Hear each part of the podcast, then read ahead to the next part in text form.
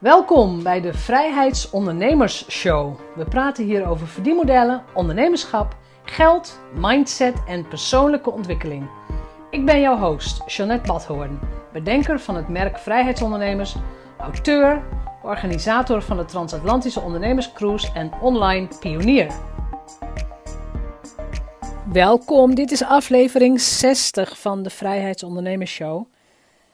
Het is de maand mei 2020 en ik heb de maand mei omgedoopt tot de auteursmaand. Vandaag spreek ik met Janneke Willemsen. Janneke is onder andere bekend van televisie. Uh, zij is veelgevraagd dagvoorzitter. En ze is de auteur van het boek Blondjes beleggen beter. Zo heet ook haar website.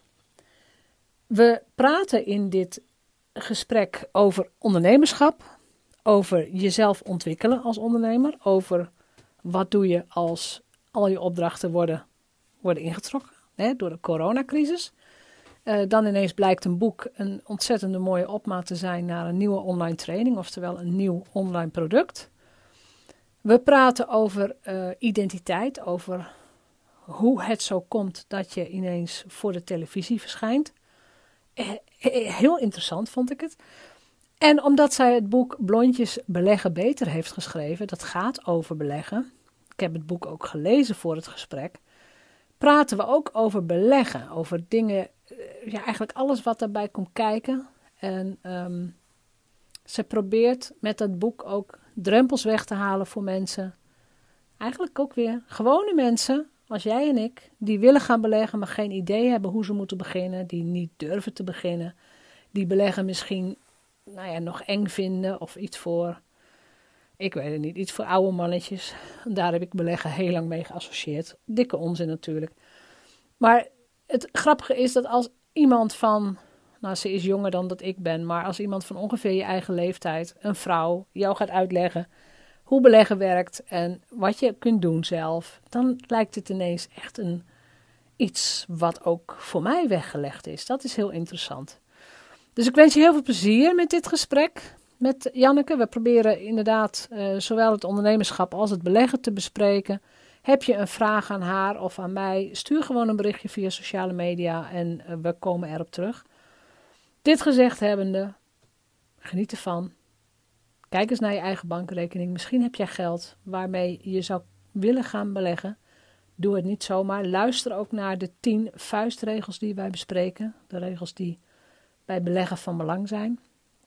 Maar begin niet als een kip zonder kop. Denk er goed over na. Uh, maar het kan. Dat is, dat is de kernboodschap. Het kan. Het kan voor jou. Het kan voor mij. Het kan voor ons allemaal. En dat is heel erg fijn. Veel plezier. Welkom. Vandaag praat ik met Janneke Willemsen. En als ik Janneke Willemsen zeg, dan gaat er bij heel veel mensen nog niet een belletje rinkelen. Want ik heb het al tegen een paar mensen gezegd. Maar als ik zeg blondjes beleggen beter, dan zeggen ze, oh, die. En dat vind ik zo grappig, dat, um, dat jij als, nou ja, gewone Nederlandse vrouw, denk ik, ineens een onderwerp te pakken hebt, wat niet geassocieerd wordt met de gewone Nederlandse vrouw, namelijk beleggen. En ik wil heel graag weten hoe jij überhaupt bij, bij dat onderwerp bent gekomen, hè, bij beleggen. Maar ook waarom je op dat pad bent gegaan van ik ben ondernemer, ik verhuur mezelf en nu ook ik verhuur mijn kennis. Hè. Ik, je kunt mijn kennis kopen in de vorm van een boek en in een online training, heb ik het voorgesprek geleerd. Um, maar laten we eens teruggaan naar het begin. Janneke Willemsen, als jij zegt ik ben, hoe stel jij jezelf dan voor? Uh, presentatrice, financieel journalist en uh, enthousiast doe-het-zelf belegger. En nog niet auteur? Staat nog niet in het rijtje? Ja, ja, ik heb een boek geschreven, maar maak je dat dan auteur? Ja, de, ja voor mij uh, valt, uh, hoort alles bij. Uh, ik praat en ik schrijf over beleggen. ja. Eigenlijk waar het op neerkomt en wat ik doe. Ja, en dat doe ik in verschillende vormen. Dus inderdaad, uh, ik doe dat op tv, ik doe dat op podia. Uh, ja. in, ik doe dat in een boek en in een online training. Ja, sowieso al heel cool. Wat ik uit jouw boek begreep, is dat jij als kind echt helemaal niks met getallen en rekenen had. Nee, en uh, in ieder geval niet met hoofdrekenen. En op de lagere school krijg je hè, dat je tafels uit je hoofd moet leren en sommetjes. Ja. En dan uiteindelijk dan ga je dingen automatiseren, zo heet dat. En ja. Uh, ja, daar had ik dus een probleem mee. Dus dat automatiseren is eigenlijk van de overgang van het, zal ik maar zeggen, op je vingers uh, uitrekenen of in stapjes. En dat helemaal Nou ja, over na moeten denken naar gewoon 8 plus 7 is 15. Ja. Dat is automatiseren. En nu zit ik nog steeds, terwijl ik dit zeg, denk ik, oh mijn god, is 8 plus 7 wel 15? En dan ga ik dus ondertussen al nadenken. Ja, wacht even, wacht even. 8 plus 2. Ja, dan komen we op 10. Oh ja, dan moest er nog 5. Ja, ja, ja, het klopt. Het klopt. Ja. Dus ik heb daar eigenlijk nog steeds moeite mee. Met dat automatiseren van dat, uh, van dat rekenen. En in het boek staan heel veel rekenvoorbeelden, maar daar komen we straks ook nog wel op. Wat, wat wou jij als kind worden? Uh, altijd al journalist of schrijfster. Ja. Geef eens voorbeelden. Wat deed, je als, wat deed jij als kind? Had je een, maakte je een eigen krantje? Of... Ja. Ja? ja? Dat zat er gewoon in? Ja hoor, ja, dat heb ik altijd gedaan. Dus uh, ja, ja. Nee, ja, het is voor mij altijd eigenlijk vrij duidelijk geweest. Ik wilde altijd journalist of schrijfster worden. Uh, ik schreef verhalen, uh, ja, waren meer sprookjes. En dan had ik ook het idee van, nou, als ik ze goed bewaar, dan als ik dan later groter ben, dan uh, kan ik daar een boek van maken. Ja. Graf denk je van. dat was echt niet het lezen waard. Maar ja, weet je, dat, ja, dat had ik dan natuurlijk wel in mijn hoofd. Uh, ik maakte tijdschriften samen met ehm, mijn zusje, mijn neefje en mijn nichtje. Als we dan bij elkaar waren, dan was ik vaak een soort, ja, een soort, ja, je zou kunnen zeggen een soort hoofdredacteur of zo ja, uh, ja. Van, van het tijdschrift. Um, maar wij verdeelden ook gewoon echt wel de taken. Mijn neef die was meer bezig met uh, technische dingen en die tekende dan bijvoorbeeld auto's. En die had dan op die manier een soort artikel gemaakt over hoe moest je een auto bouwen. Of een artikel over nieuwste model auto wat dan uit zou komen. Mijn nichtje zat meer op mode en uiterlijk. En weet je, maakte daar dan de bijdrage van. En mijn zusje weet ik niet meer precies. En ik weet ook niet meer precies wat ik dan precies schreef. Maar we waren wel heel erg bezig met, uh, oh ja, we, we, maakten dan uh, rubriekjes en dingen. En nou, we maakten dan tijdschriften, dat brachten we uit. Dat, uh, dat nieten we ook aan elkaar en dan gaven we dat aan familie en zo. Dat is toch fantastisch, dat, dat je als kind is alles mogelijk. Dat is, dat is wat je natuurlijk voor de middelbare school. Als kind is alles mogelijk. Ja. Als je zegt, ik breng een tijdschrift uit, dan doen we dat gewoon. Ik, ik schrijf sprookjes en dat wordt later een boek. Dan is dat gewoon zo. Ja. En ergens op de middelbare school uh, leren wij, of eh, leren we het af, zijn we dat vertrouwen een beetje kwijt. Want jij zei ook het grappige is, ik heb dat met uh, schrijven, heb ik nooit die onzekerheid gehad. Gek genoeg eigenlijk ja, pas toen ik stage ging lopen uh, hè, als echt journalist uh, ja. bij echte kranten. Dus je hebt een journalistieke opleiding gedaan? Ja. Ja. ja. En toen begon ik pas te twijfelen, want toen kwam ik pas in de fase terecht dat ik dacht van... Ehm, hè, als ze dan weinig feedback gaven of weinig verbeteringen, dan kreeg ik te horen van, dat het goed was. En dan dacht ik, ja, maar dat kan niet kloppen, hè? Je hebt te weinig op- en aanmerking op mijn artikel. Dat, uh, je hebt het vast niet goed gelezen of zo. Ja, precies. En, en toen heb ik echt wel een paar jaar gehad dat ik dacht van... Oh mijn god, dit gaat helemaal niet, komt helemaal niet goed. Ik kan het eigenlijk helemaal niet. En zeiden mensen, nee hoor, hartstikke goed, hartstikke goed. dacht ik, nee, het is niks waard en het moet weg en ik moet opnieuw beginnen. Uh, Daar heb ik wel een hele lastige periode gehad. Maar als kind heb ik dat met dat schrijven inderdaad nooit gehad. Dat was altijd, ja, Hè, vanzelfsprekend dat je dat gewoon heel goed doet. En dat, je, dat iedereen dat leuk vindt om te lezen. Dat ja, dat vindt iedereen leuk. Alle ooms en tantes. Ja. ja. En die onzekere periode, want ik, ik weet zeker mensen die luisteren en ik zelf ook. We hebben allemaal van die periodes dat je denkt van ja, ik weet niet of dit goed genoeg is. Het gaat me zo makkelijk af. Um, Want waarschijnlijk zit dat schrijven dus echt in jouw super kernkwaliteiten. Dat, je kunt het makkelijk, het, het, kost je niet super veel moeite. En juist op dat punt, nou, je, hebt, je hebt ook dingen geleerd, maar juist op dat punt, daar waar je heel goed in bent en wat, weet je, je moet er wel voor werken, maar dan krijg je ook iets. Daar komt heel vaak de zelfstwijfel om de hoek kijken. Van ja, zo makkelijk kan het toch niet zijn? Waarom doen andere mensen daar zo moeilijk over? Herken je dat? Ehm, ja, maar ik dacht, ja, ja het, het, het, en ja, ik weet niet of ik dacht, zo makkelijk kan het toch niet zijn. Maar ik dacht wel van, maar het is niet goed. Ik dacht gewoon, het is niet goed genoeg. Dit kan niet. Het, het klopt niet. Ik voelde me daar gewoon heel onzeker over. Ja. ja. En hoe, hoe ben jij eruit gekomen? Ja, uh, het heeft bij mij toch heel erg te maken met uh, veel, veel zelf. Ik had heel veel zelfkritiek. Ik was gewoon te kritisch uh, op alles wat ik deed. Ik zag natuurlijk zelf, en dat zie ik nog steeds wel, alle dingen die je niet goed doet, of die niet kloppen. Of, ja, dat is toch iets, ja, dat, dat moet je, ja, daar moet je ouder voor worden. Daar moet je jezelf doorheen sleuren. Dat is, dat is een hele geruststellende gedachte. Ja. Ja, ja. ja. Ik denk op een gegeven moment moet je die knop. Voor mij is dat echt wel een proces geweest. Want het was echt niet meer leuk. Want op een gegeven moment zat ik bij een, uh, een stage. Ik liep op een gegeven moment stage bij het Parool. En ik weet nog heel goed een artikel wat ik had geschreven. En uh, ik zat daar s'avonds nog. Uh, en op een gegeven moment, het was eigenlijk al af. En ik, in mijn hoofd was het zo verschrikkelijk slecht en niet leuk om te lezen. En dat ik gewoon het hele artikel heb weggegooid. En toen mm. opnieuw ben begonnen.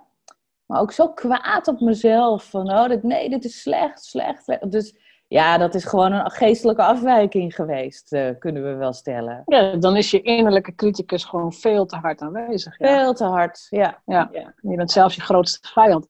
Dat zeg je trouwens ook letterlijk in je boek, hè, bij beleggen. Je bent zelf het grootste obstakel. Ja. ja. Dus, ja, is bij beleggen ook zo. Ik denk dat dat bij, op heel veel vlakken... Er zijn zoveel parallellen te trekken tussen beleggen en alles wat je verder in je leven doet. Ja. Uh, ik beschrijf bijvoorbeeld ook in het boek over... Uh, ja, eh, eh, een kort stuk over keuzestress. Hè? Uh, dat herkennen we allemaal wel. Uh, voor mij is dat bijvoorbeeld als ik boodschappen ga doen, dat ik wel eens bevangen word door die keuzestress. Van, ja. Oh, een heel schap vol met wasmiddel. En dat ik dan plotseling we gaan ja, van, ja, maar welke is dan het goedkoopste en het beste? En welke moet ik dan hebben? Welke fles?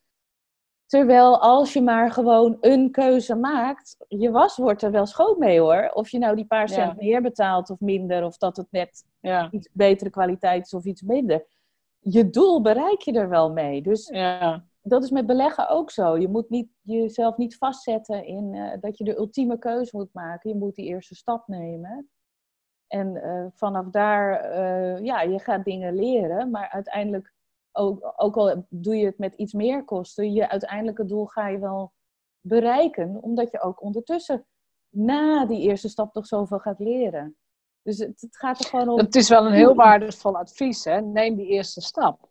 Ja, ja. Neem die eerste stap. Nou ja, dat is, dat is echt niet alleen voor beleggen zo. Dat is voor je eerste webinar of je eerste boek of wat dan ook. Neem die eerste stap. Ja, bij ondernemen ook absoluut. Ja. Bij ondernemen sowieso, ja. Want wat, wat is voor jou op dit moment de definitie van ondernemerschap?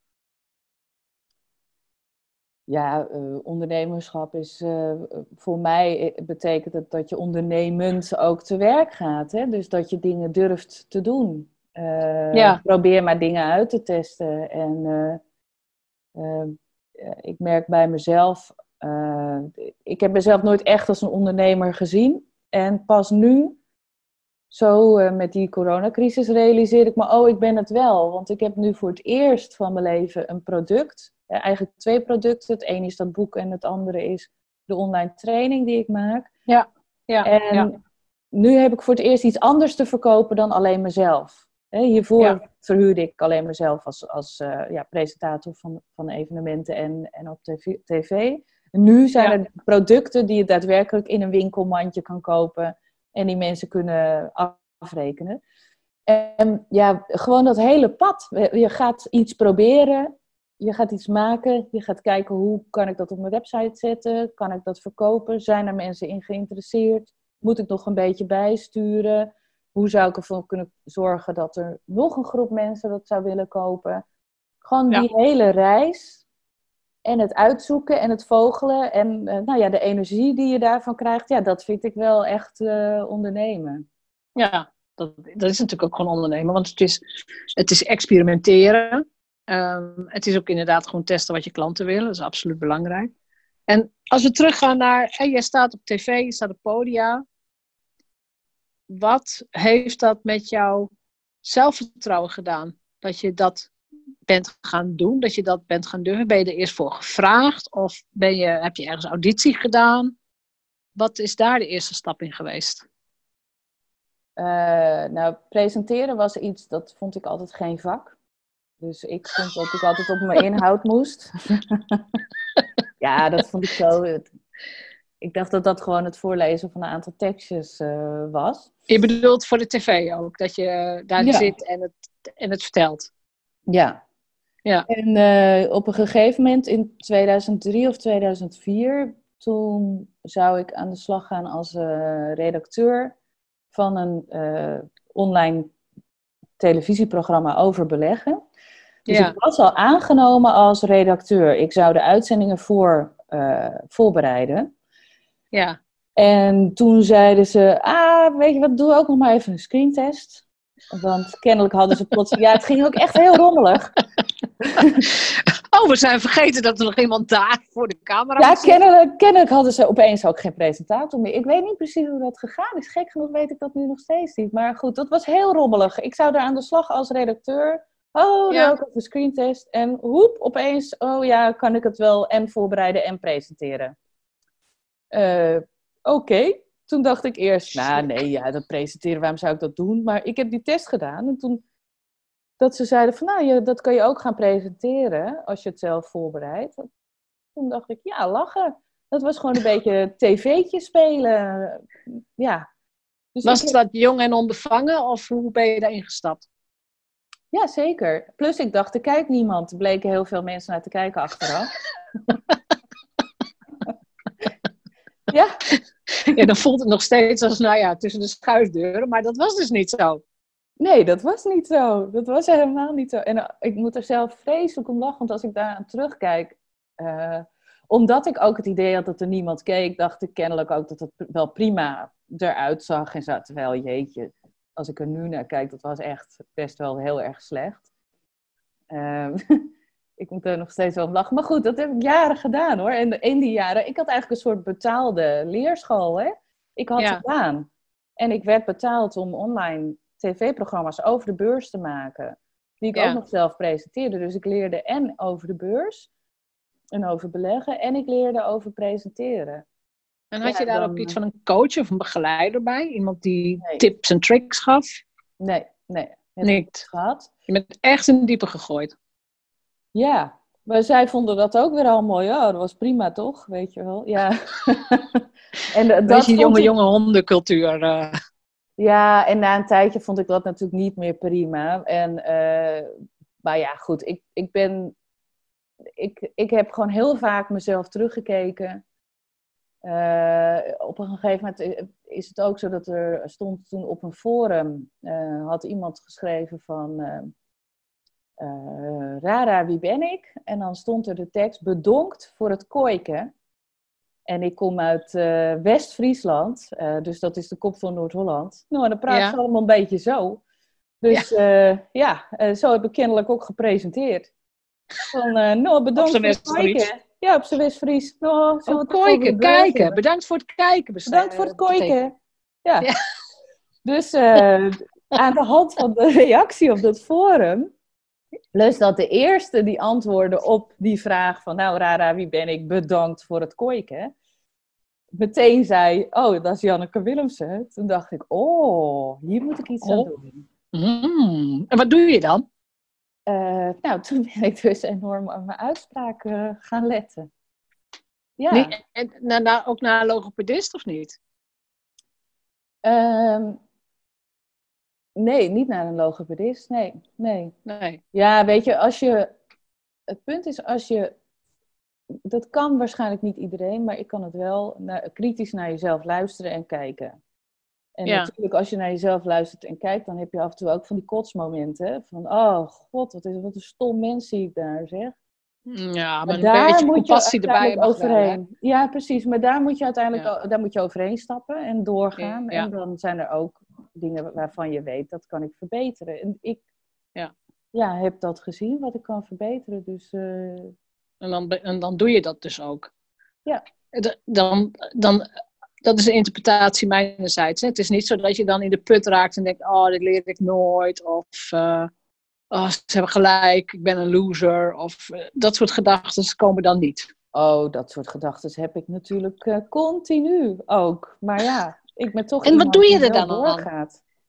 Ja, ik ga gewoon is, door. dat is een hele Ik weet niet wat gaat het gewoon is. door. Ik ga gewoon door, ja. ja. En Wat zeg je dan tegen jezelf?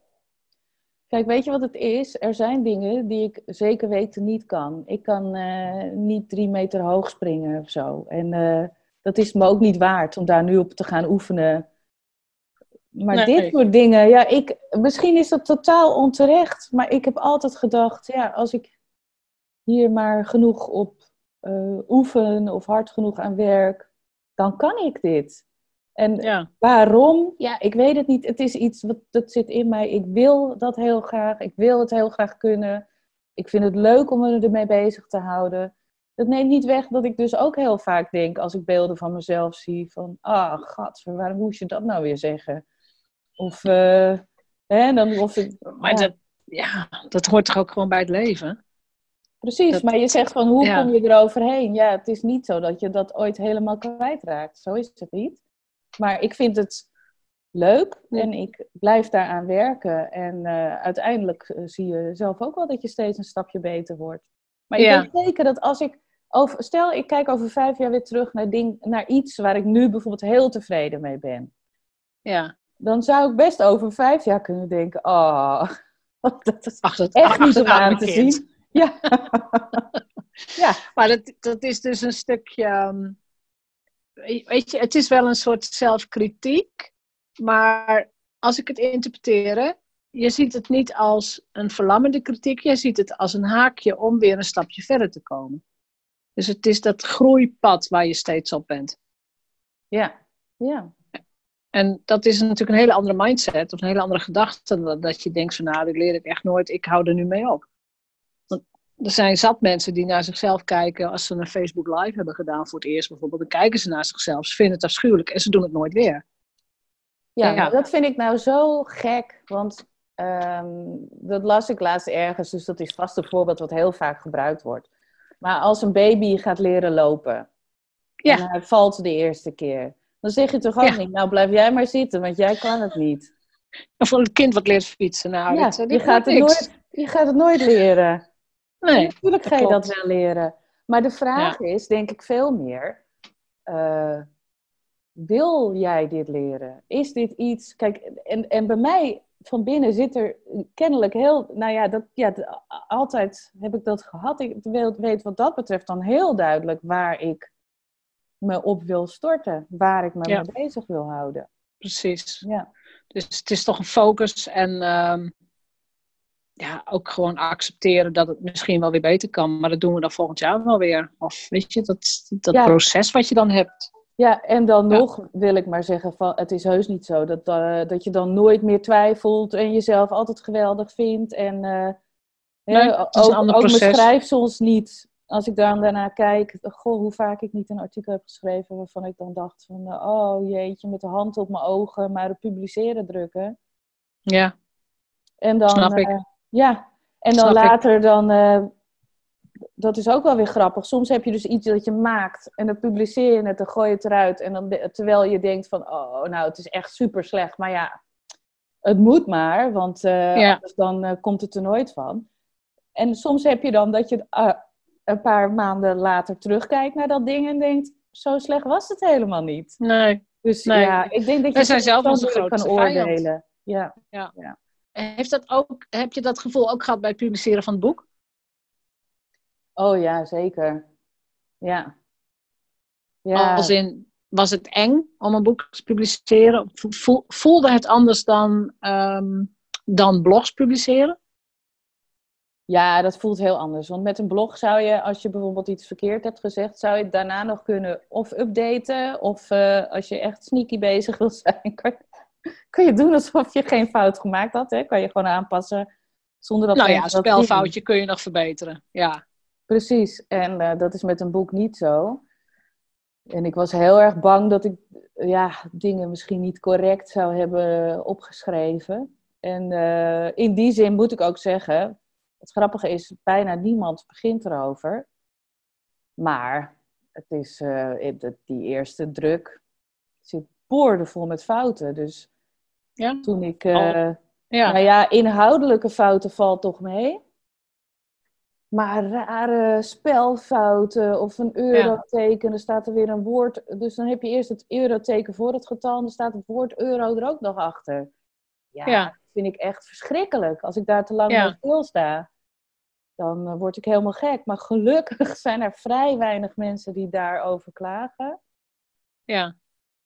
Maar dat vind ik wel heel rampzalig. Gelukkig komt er nu een vierde druk uit. Yep. Maar net zeggen, hoe, hoe, ver zijn we nu? We zijn al bij de vierde. Ja, elke eerste druk bevat fouten. En dan krijg je inderdaad berichten van, van je lezers. Die zeggen, nou, klopt iets niet. Of dat woord staat er dubbel in. Oké, okay, Wij hadden met de, eerste, met de eerste druk, de, de hele inhoudsopgave staat gewoon verkeerd. Nou, dat vind ik echt verschrikkelijk. Ja. Verschrikkelijk vind ik. Ja, vind ik zo erg. Ja, en, het is wel uh, slordig, ja. Ja, en ik heb ook altijd gedacht van, hoe kan dat nou? Kan dat nou? Want ehm, als ik een boek van iemand anders las, hè, met foutjes erin, dat vind ik ook altijd heel slordig. Dus dat vind ik van mijn eigen boek ook. Ja. Maar ik begrijp het nu iets beter, waardoor dat uh, gebeurt. Want uh, dat gebeurt doordat die tekst zo vaak heen en Klopt. weer gaat. Ja. En uh, de, nog een corrector eroverheen. En de redacteur van de uitgeverij. En uh, jezelf. En de vormgever die dan denkt van... Oh, ik copy-paste wel even iets. En dat daardoor toch dingen verschuiven. En dat er dan niet nog een keer een controle op dat stuk is. Ja, ongelooflijk lastig inzet. Nou, en op het eind is, uh, weet je, er komt op een gegeven moment een deadline in beeld. Van, oh, dan en dan moet het manuscript naar een drukker. Um, een gegeven moment is het zo van, nou ja, huppakee, klaar. Het gaat nu weg. Ja. Ja. ja. En dat, dat proces, nou ja, dat moet je ook gewoon een keer meemaken, denk ik dan. Maar wat, wat heeft het boek nu voor jouw ondernemerschap gedaan? Um, nou ja, gewoon eh, de, de, wat, wat wij het al eerder over hadden, dat ik voor het eerst uh, een product te koop heb. Ja. Voor het eerst van mijn leven kun je iets kopen. Ja. En nu die online training, ja? Is, dat iets, iets, is dat ook iets wat op vraag van een klant is ontstaan? Of heb je dat zelf bedacht? Want ik heb nu dit boek, daar kan ik ook wel mensen iets over leren. Nou, ja, het is, een, het is van beide een beetje. Uh, het, e-, het e-, eerste is dat bij de lancering van het boek had de marketingafdeling uh, van, de, van de uitgeverij had gevraagd: zou je er niet een korte online mini-cursus bij kunnen geven? Ja. Dan bij de eerste druk van het boek, dus een soort actie. En dat heeft uh, voor mij, uh, dat heb ik uiteindelijk gemaakt. Dat is voor mij al de eerste drempel die dan alweer weg is genomen. Uh, want iemand vroeg dat, dus de uitgeverij vroeg dat. Toen dacht ik, ja, nou, zo moeilijk moet het toch niet zijn, want ik heb al een heel boek geschreven. Hoezo ja. kan ik dan niet een paar video's maken? Um, dus die drempel was weg. En uh, daarna viel het me op dat er nog steeds heel veel mensen waren. Kijk, ik heb zelf het idee, ja, alles staat al in het boek.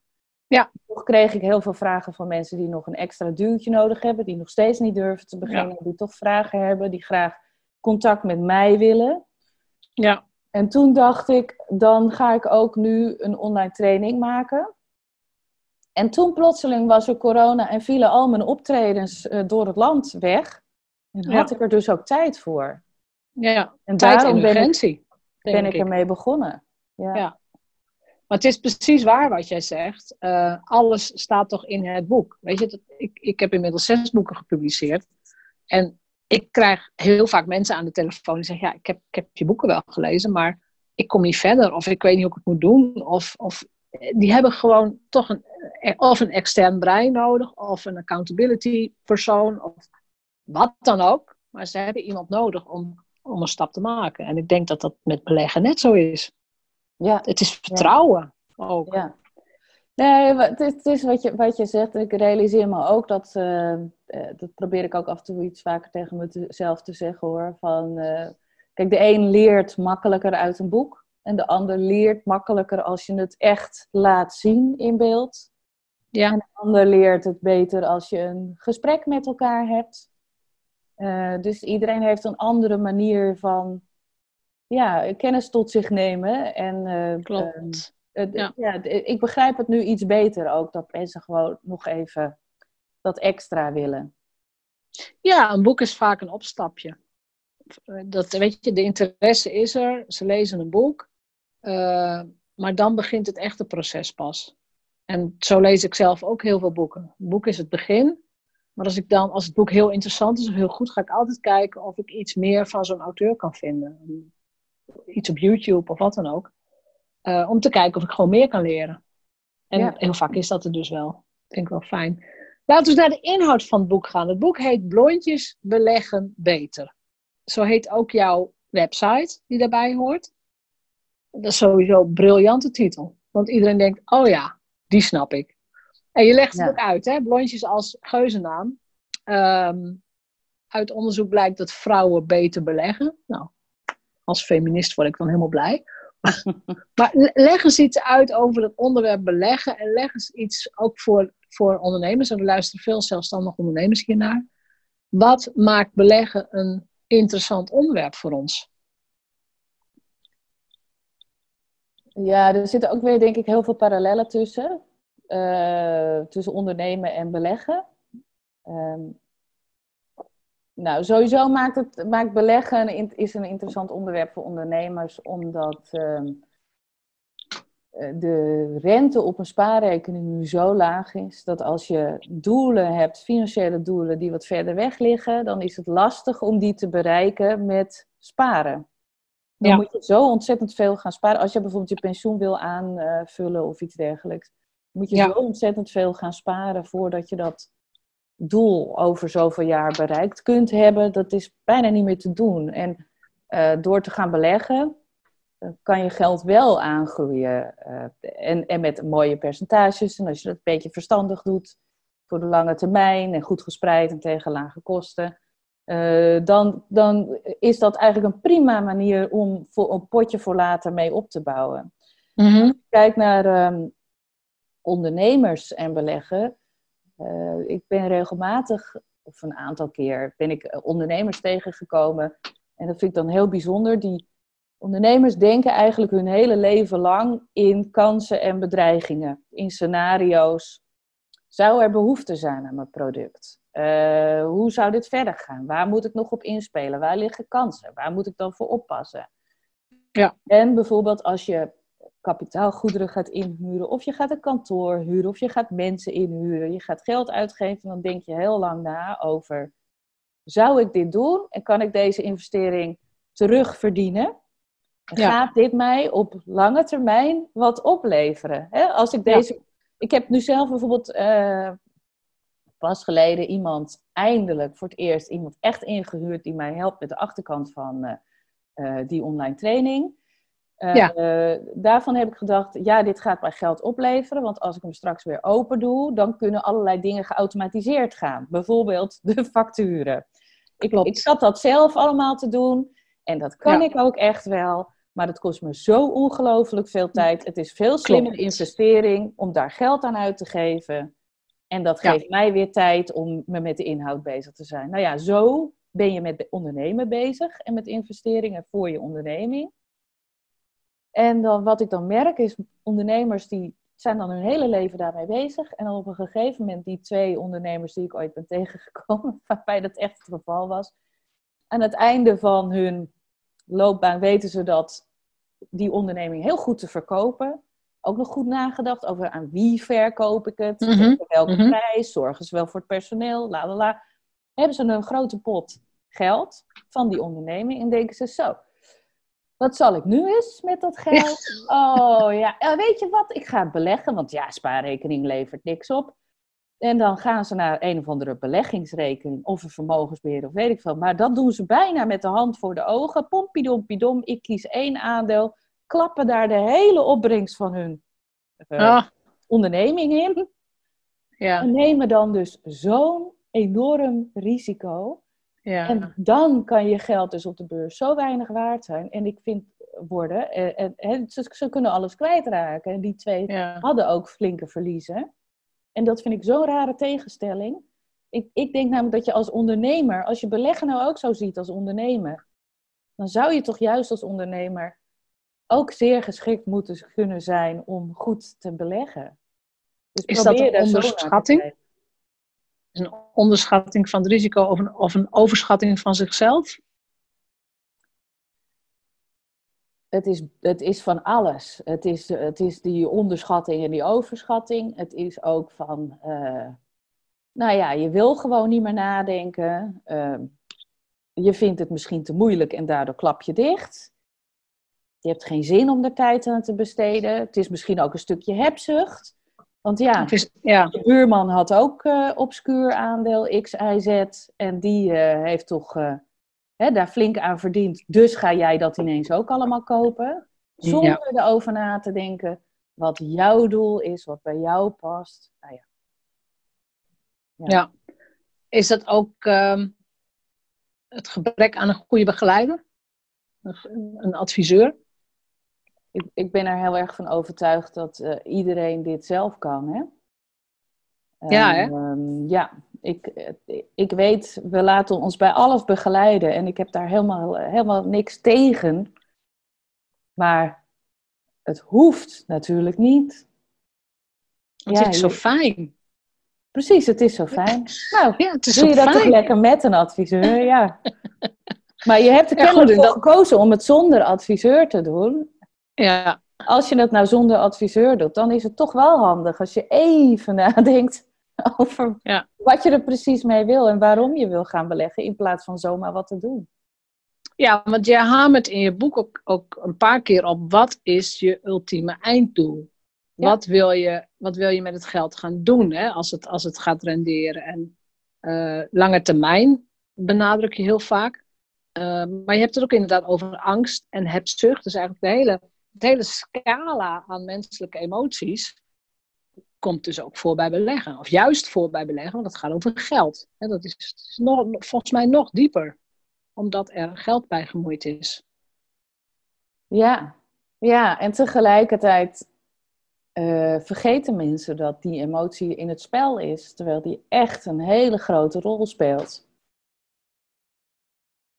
Kun je eens een voorbeeld van jezelf geven waarbij emotie de overhand nam? Bij jou? Um, ja, weet je, wat dat betreft ben ik een heel atypische, atypisch iemand met geld. dus ik uh, vind dat heel moeilijk uit. om. Uh, ja, de, dus ik zit te denken ik daar een voorbeeld van. Wat is jouw relatie met geld? Ja, ik, ja, ik heb een prima relatie met geld. Ik zit even te denken of ik nou een voorbeeld kan noemen. Waar bij mij emotie echt een rol speelde met mijn. Uh, nou, niet echt. Ja, ik, ik, misschien weet je wel, met beleggen heb je verschillende dingen zoals. Uh, ja, ik, ik heb bijvoorbeeld het aandeel eh, Weetwatchers op een gegeven moment gekocht. Dat gaat dan verkeerd en dan wil ik het niet verkopen, want dan speelt toch mee dat ik ook een deel speelt dan mee dat ik eigenlijk geen verlies wil nemen. Mm, maar ja. had dat grote gevolgen? Nou, niet echt. Uh, voor het totaalrendement van een portefeuille heeft het niet echt veel uh, gevolgen gehad. Uh, maar misschien een andere emotie, de keuzestress. Op een gegeven moment heb ik bedacht dat als ZZP'er wil ik toch ook eh, fiscaal gunstig iets voor mijn pensioen doen. Mhm. Nou, dat is dan eh, eh, dat ik ben gaan beleggen bij uiteindelijk Bright Pensioen. Waar, waarbij je je maandelijks wat inlegt. En daar hoef je dan nu nog geen inkomstenbelasting over te betalen, want dat wordt afgetrokken. Maar op het moment dat je daar een uitkering van krijgt, wel. Hè? Ehm, ja. Maar dat, dat, dan merk ik wel van dat ik dan verzeild raak in het vergelijken van partijen die dat aanbieden, dat pensioensparen.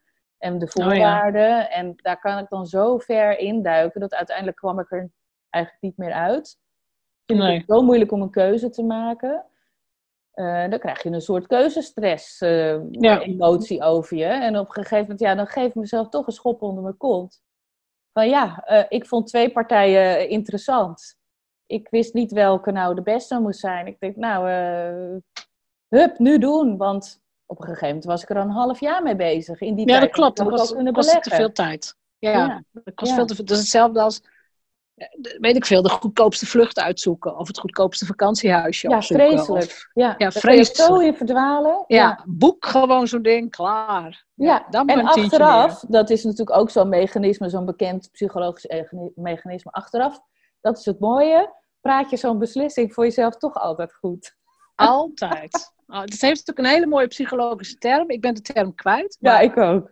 Uh, volgens mij is het cognitieve dissonantie, maar ik weet het niet helemaal zeker. Maar inderdaad, als je zegt, nou, deze auto heb ik gekocht, want het is gewoon de, nou ja, de, de, de, op dat moment dacht je van, dit is de beste keuze. En daarna zeg je, ja, maar hij is heel duurzaam. En wit is de nieuwe kleur. En er kunnen vijf mensen in. En dan heb je allemaal redenen om dat weer goed te praten, ja.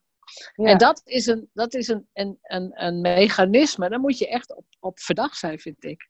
Dat als jij moet je op verdacht zijn, maar tegelijkertijd vind ik ook van... Uh, kijk, eh, als je het ook over zo'n auto hebt, stel er komen dus twee van die auto's naar boven en ze lijken verdacht veel op elkaar.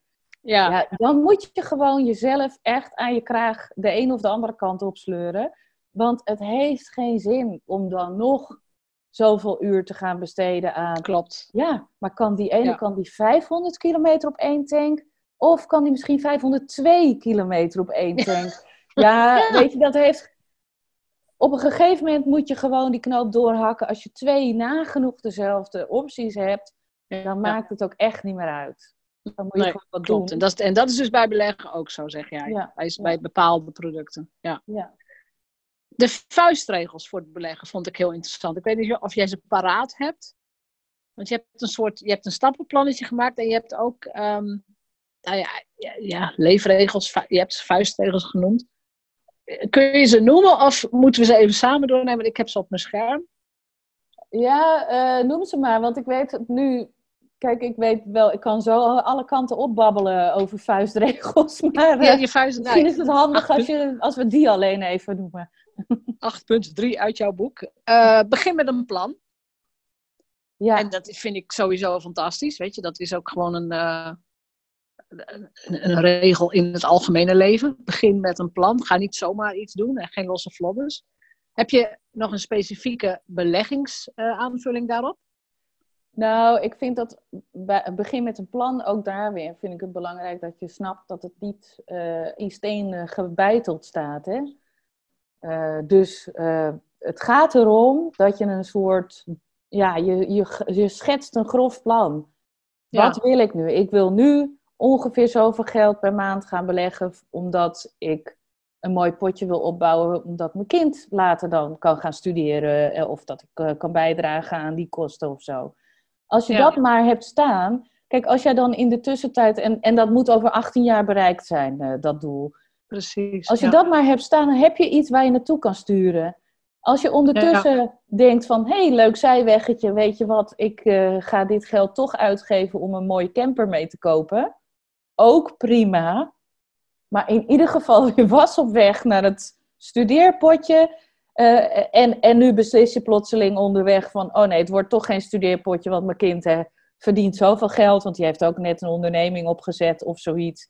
Dan kan die zelf wel betalen. Dan is het ook prima dat je dan de camper gaat doen. Maar je hebt in ieder geval een doel om naartoe te sturen. Ja, en daar kun je je ook beter aan houden.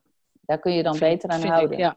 En dat, weet je, dat helpt je ook bij al die paniekgevoelens die je krijgt als je gaat beleggen. Van, hoe moet ik nu kopen of verkopen? Ja, wat moet ik uh, doen? Oh nee, want ik hoef, het pas, ik hoef het geld pas over 18 jaar te gebruiken. Ja, daarom moet je niet meer omkijken. Het komt dan. Ja. De tweede vuistregel, los eerst je schulden af. hoe ver moet je daarin gaan? Nou, het, ik zou de hypotheek buiten beschouwing laten. Ja. Uh, de rest uh, wel. Kijk, um, op een persoonlijke rekening kan wel zo'n 12%, uh, of een persoonlijke lening, sorry. Er kan wel zo'n 12% rendement op zitten. Of ik rente. haal nu altijd door elkaar rente. Ja. Die, Ja. Wat je moet betalen. Ja. Uh, als je dan gaat beleggen, dat, is natuurlijk, dat slaat helemaal nergens op. Stel je hebt een persoonlijke rekening waar je 12% rente over betaalt. En dan ga je aan de andere kant een beleggingsrekening er tegenover zetten, waar je dus eigenlijk eerst al 12% aan moet verdienen, voordat je met die twee rekeningen tegenover elkaar op nul uitkomt. ja. Dus Eh, je terwijl moet met- eerst dit soort Ja. schulden aflossen. Eerst, Studieschuld ook?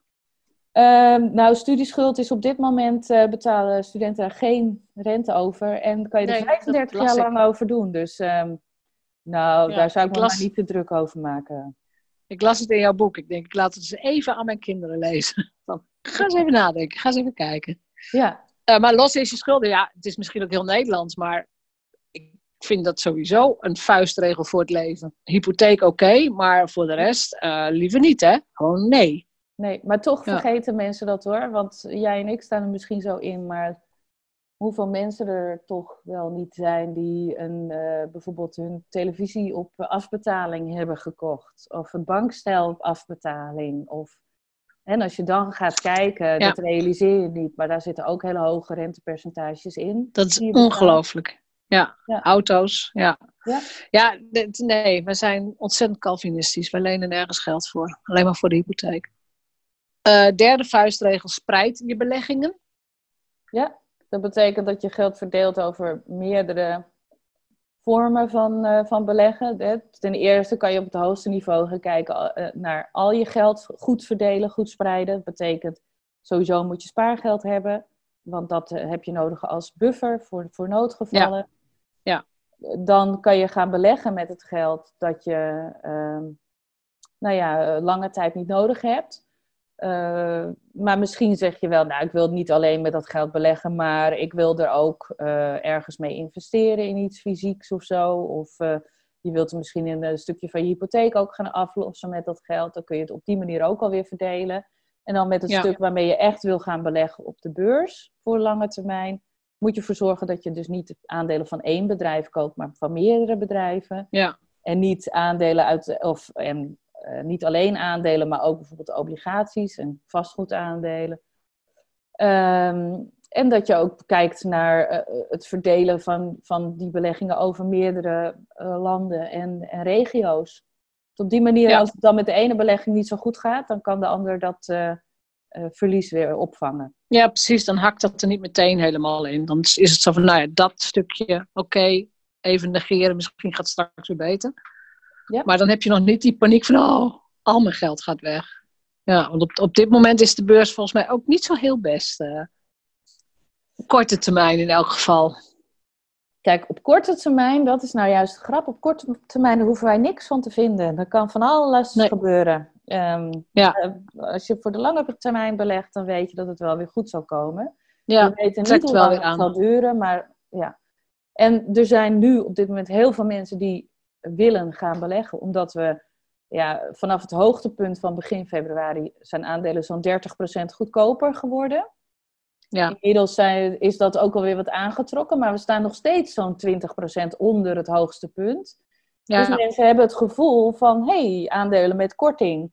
En die kans zit er ook wel in. Die kans is groot dat je dus nu goedkoop instapt. Ja. Maar het is op korte termijn echt wel heel onzeker, want wij weten nog niet wat de daadwerkelijke gevolgen van de coronacrisis zullen zijn. ja. Uh, Nee, dus dan is het een, wat jij zegt, hè, alleen met geld wat je over hebt. En lange termijn vertrouwen dat het misschien wel weer goed komt. Waars, waarschijnlijk komt het wel weer goed. Maar je, ja, dan moet je inderdaad niet meteen uh, de stress hebben van, oh nou is al mijn geld weg. En misschien duurt het al vijf jaar voordat het weer goed komt. Ja, zeker. Dat weten we niet. Ja. ja. Uh, jouw vierde vuistregel, beleg in dat wat je leuk vindt. Ja. Kijk, ik vind als je er dan toch voor kiest om zelf te gaan beleggen, want daar gaat dit boek over. Je moet jezelf Ja. bezighouden met je beleggingen. Zelf Ja. nadenken, wat wil ik ermee? En wil ik eh, mandjes kopen of wil ik individuele aandelen? Dan kan je maar het beste iets kopen wat je leuk vindt om bij te houden. Dus eh, beleggen in bedrijven die, eh, die jou wat zeggen. Eh, Ja. bijvoorbeeld, ik noem even één voorbeeld. Hè. Bijvoorbeeld, ik beleg onder andere in Netflix. Eh, ik vind het leuk om me daar een beetje in in te leven en na te gaan of, Ja. eh, of ze nog goede series hebben. Of ik denk dat het abonneeaanbod wel uitgebreid kan worden. Of ik vind dat het allemaal nog goed werkt. En, ja. En ja, je moet ook een beetje kijken naar de schulden die ze maken. Je, je, je moet daar toch over lezen. Als dat nou een Ja. bedrijf is wat je ongelooflijk saai vindt. En je vindt het niet leuk om dat nieuws erover bij te houden. Waarom zou je het dan doen? Ja, nee, niet. Want voel Nee. jij ook, hè, want als jij erin belegt, dan heb je een aandeel in zo'n bedrijf. Voel je je ook meer betrokken bij dat bedrijf? Ja, ik voel me in ieder geval meer betrokken bij. Het, dat vind ik sowieso een leuk mechanisme. Dat als je je geld erin hebt zitten, dan voel je je sowieso meer betrokken bij het nieuws. Als je ziet dat iedereen nu online gaat, dan zou dat dus ook wat voor je belegging in Netflix kunnen opleveren. Omdat iedereen dus maar zit te binge-watchen. ja, dat is interessant, ja. Klopt. ja. Ja. En ik kan me heel goed voorstellen dat mensen sowieso daarin ook eh, morele keuzes maken. Eh, dat Ja. ze denken van nou, dat bedrijf doet geen sympathieke dingen voor het milieu of wat dan ook. Daar gaat mijn geld niet naartoe. Ja. Ja. Ja. Jouw vijfde vuistregel, die is volgens mij, heb je die al een paar keer genoemd. en Denk lange termijn. Ja, lange termijn is echt belangrijk. Eh, ten eerste omdat je dus dan die tussentijdse dips of echt wel beurscrashes kunt overleven. Hè? Je laat je Ja. geld gewoon staan en je wacht tot het weer hersteld is. Ja. Eh, en lange termijn heeft ook als voordeel dat hoe langer je geld belegd is, hoe meer je gaat profiteren van het rente-op-rente effect. Oftewel rendement op rendement effect. Ja. En dat Ja. betekent dat je eh, hoeveelheid belegde geld zeg maar, steeds sneller aan gaat groeien. Ja. Als een parabool loopt dat dan eh, omhoog. En Ja, dat, naarmate je ja. meer aan het einde van die looptijd zit, dus gaat dat steeds en steeds sneller. Dus daarom is het eigenlijk ook belangrijk om vroeg te beginnen. Maar wat is het einde van de looptijd? Voor Eh, jou? Ja, sorry, ik zeg looptijd, maar de, de, nou ja, als jij dus dat doel hebt gesteld, die Ja, datum. ja, ja, oké. Dus, ja. eh, Als jij ja. zegt van het is voor de studie van mijn kind. eh, dit doen we 18 of 20 jaar. En je Ja. zit aan het einde van die, van die 18 of 20 jaar. Daar ga je het meeste Dan- verdienen. Ja. ja, dat is wel interessant. Ja, je verdient het meest in de staart. Of ja, aan Ja. het eind van, van ja, Ja. ja, ja, ja. ja, Ja, ik heb ook dus- wel een eh, rekenvoorbeeld in de eh, online training eh, gegeven. En dat is Ja. echt heel bijzonder, dit effect van lange termijn en, en rendement op rendement. Eh, dan heb je twee personen die even oud zijn. En ze gaan, de eerste persoon die gaat beleggen met 300 euro per maand en die begint vandaag. Stel, ze zijn allebei 20 en ze gaat door tot ze 29 jaar is. Dan Ja. stopt ze ermee. Dus zij heeft negen jaar lang 300 euro per maand belegd. Dus dan stopt ze ermee. Die tweede persoon heeft die eerste negen jaar niks gedaan. Die begint dan pas. Dus hè, op hun 29ste gaat dan ook met 300 euro per maand beleggen. Totdat ze 50 zijn. En dan ga je kijken wie heeft het meeste eh, geld verdiend. En dat Ja. blijkt dan toch degene te zi- zijn die maar negen jaar lang die 300 euro per maand heeft ingelegd. En dat heeft ermee te maken dat dat geld negen jaar langer kon renderen Ja. dan dat geld van die ander. Terwijl die ander dus veel meer geld heeft ingelegd. Want die heeft dus, nou, eh, 30 min 9, 21 jaar lang 300 Ja. euro per maand ingelegd. ja. Toch heeft, is zijn eindbedrag dus niet groter dan degene die negen jaar eerder begon en, en na negen jaar stopte met inleggen. Ja, Dat is wel. Ja, het is natuurlijk gewoon hele simpele wiskunde. Het is inderdaad dat, dat rendement op rendement. Maar het verschil tussen 9 en 21, dat had ik niet gedacht, nee. ja, Dat, Ja. Omdat je dan. Ja, nee, maar, en die persoon die het negen jaar heeft gedaan, die heeft het dus gewoon laten staan. Gewoon, dit is het. Ja, we laten hem staan, staan. klaar. En weet je, dit is natuurlijk allemaal theoretisch. Want je gaat uit met dat ze dan 8% eh, procent per jaar eh, verdienen, ieder jaar weer. Ja, en dat is fictief. ja. Dus dat is natuurlijk. Want jij hebt jaren ook dat je, dat je meer had, hè? dat je op 16,7% zat. En, uh... Nou, sterker nog, vorig jaar heb ik uh, 43% uh, rendement behaald. Oh, ik wil jou als mijn nieuwe beste vriend. nou, sowieso, het boek ga ik nog een keer helemaal uitvlooien. Ik, heb het, ik had nu maar een, paar, of maar een week om het echt door te nemen. Ehm, maar ik ga het wel zeker nog een keer uitvlooien, want het leest makkelijk.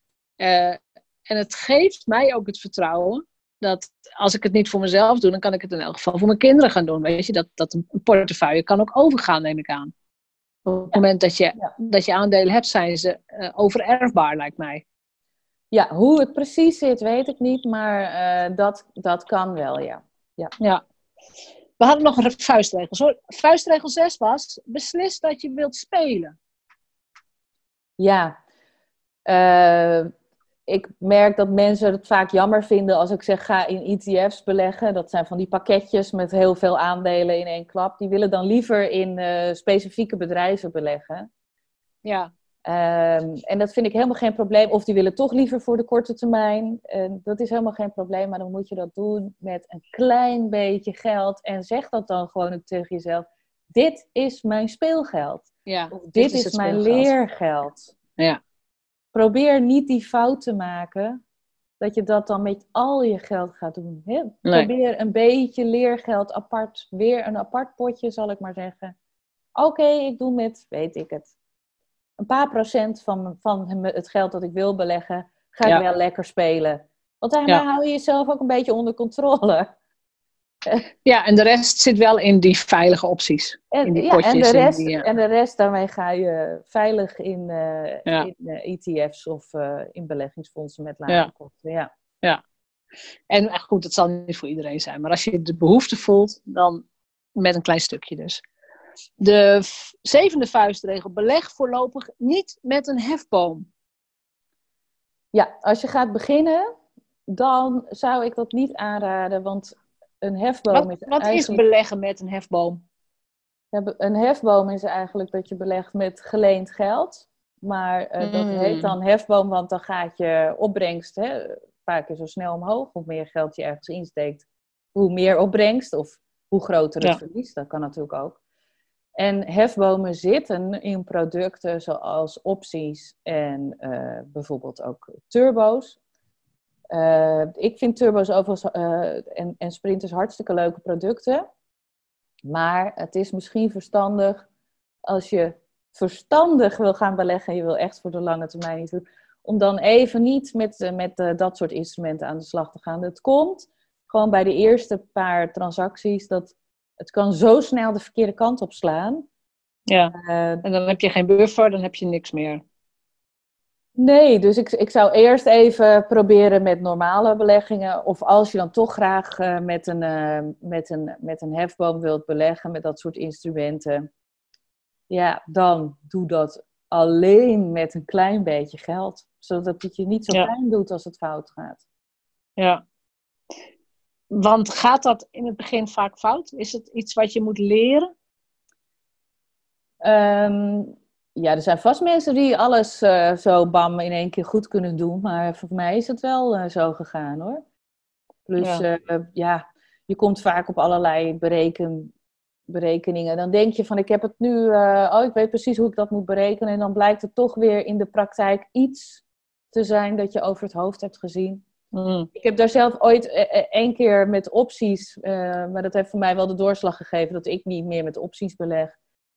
Um, maar met opties heb ik wel een keer iets uh, aangekocht. Ik wilde dan iets kopen voor. Nou ja, opties hebben een bepaalde afloopdatum. Ik wilde iets kopen voor volgend jaar. Stel, het is nu april. Het, wilde ik voor volgend jaar april kopen.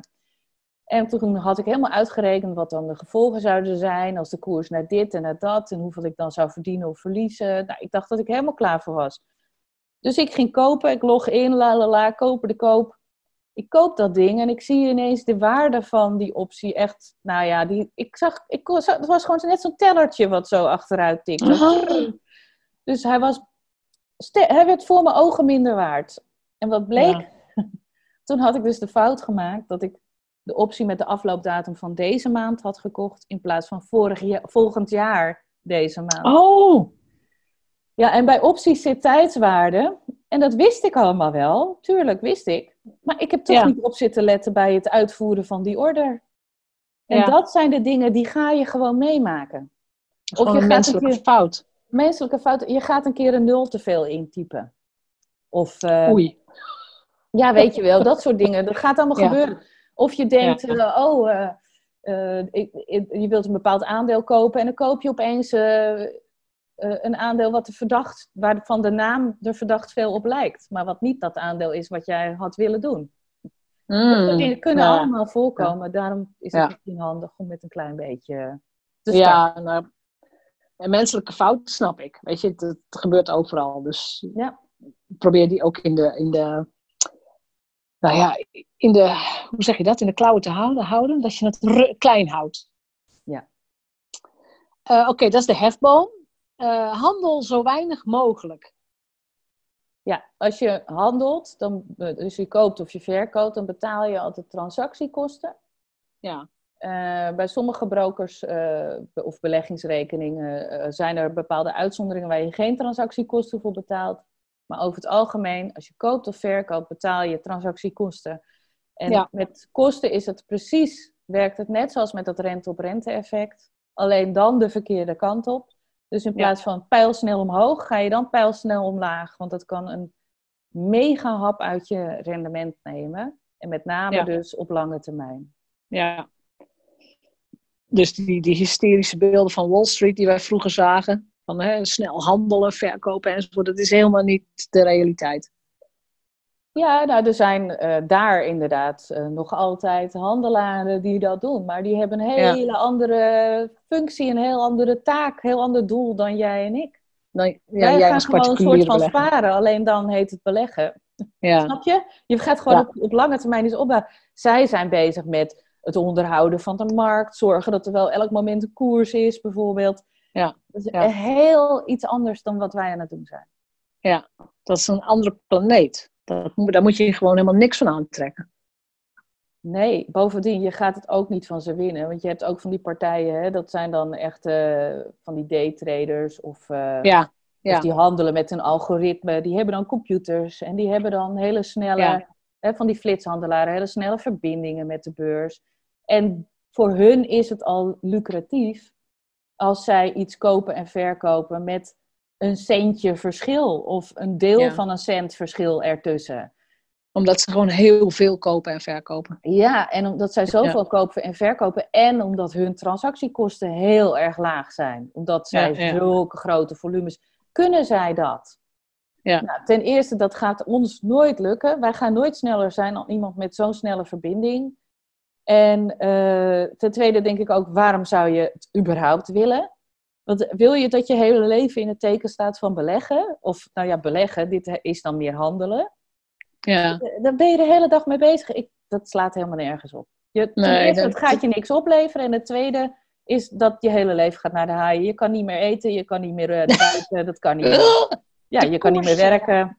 Ja, ik zou het uh, nou ja, Het is hun werk, lijkt mij. Het is hun werk. Ja, maar dan moet je. Maar als, wij, als jij en ik dat zouden willen, wij gewone, gewone mensen met een gewoon leven. Ja, ja, ja, ja. Dan houd je. Ja, dat kan gewoon niet. Dus dat kan je alleen doen als je in dienst bent. Of, uh, ja. ja. het lijkt mij een nachtmerrie dat je de hele dag op moet letten op dat soort dingen. Ja. En want uh, regel 9 sluit er natuurlijk ook prachtig bij aan. Laat je niet gek maken. En laat je niet gek maken is toch. Ik moet nog altijd denken aan uh, Ruud van Big Brother. Laat je ja. Maar goed. maar het, um, het is wel een belangrijke. Uh, hoe vaak ik niet mensen tegenkom die... Of, of via de mail hè, of berichtjes. Of, maar ook wel gewoon op verjaardagsfeestjes. Die zeggen van ja, maar je moet toch nu kopen? Nu, nu, nu. Nou, waarom? Ja. Kan ook heus wel morgen. Als jij voor de lange termijn belegt, dan maakt die paar cent of euro echt geen verschil. Nee. Uh, het gaat om de lange termijn. En als er iemand is die zegt: Ik ben rijk geworden met uh, de handel in cryptocurrency.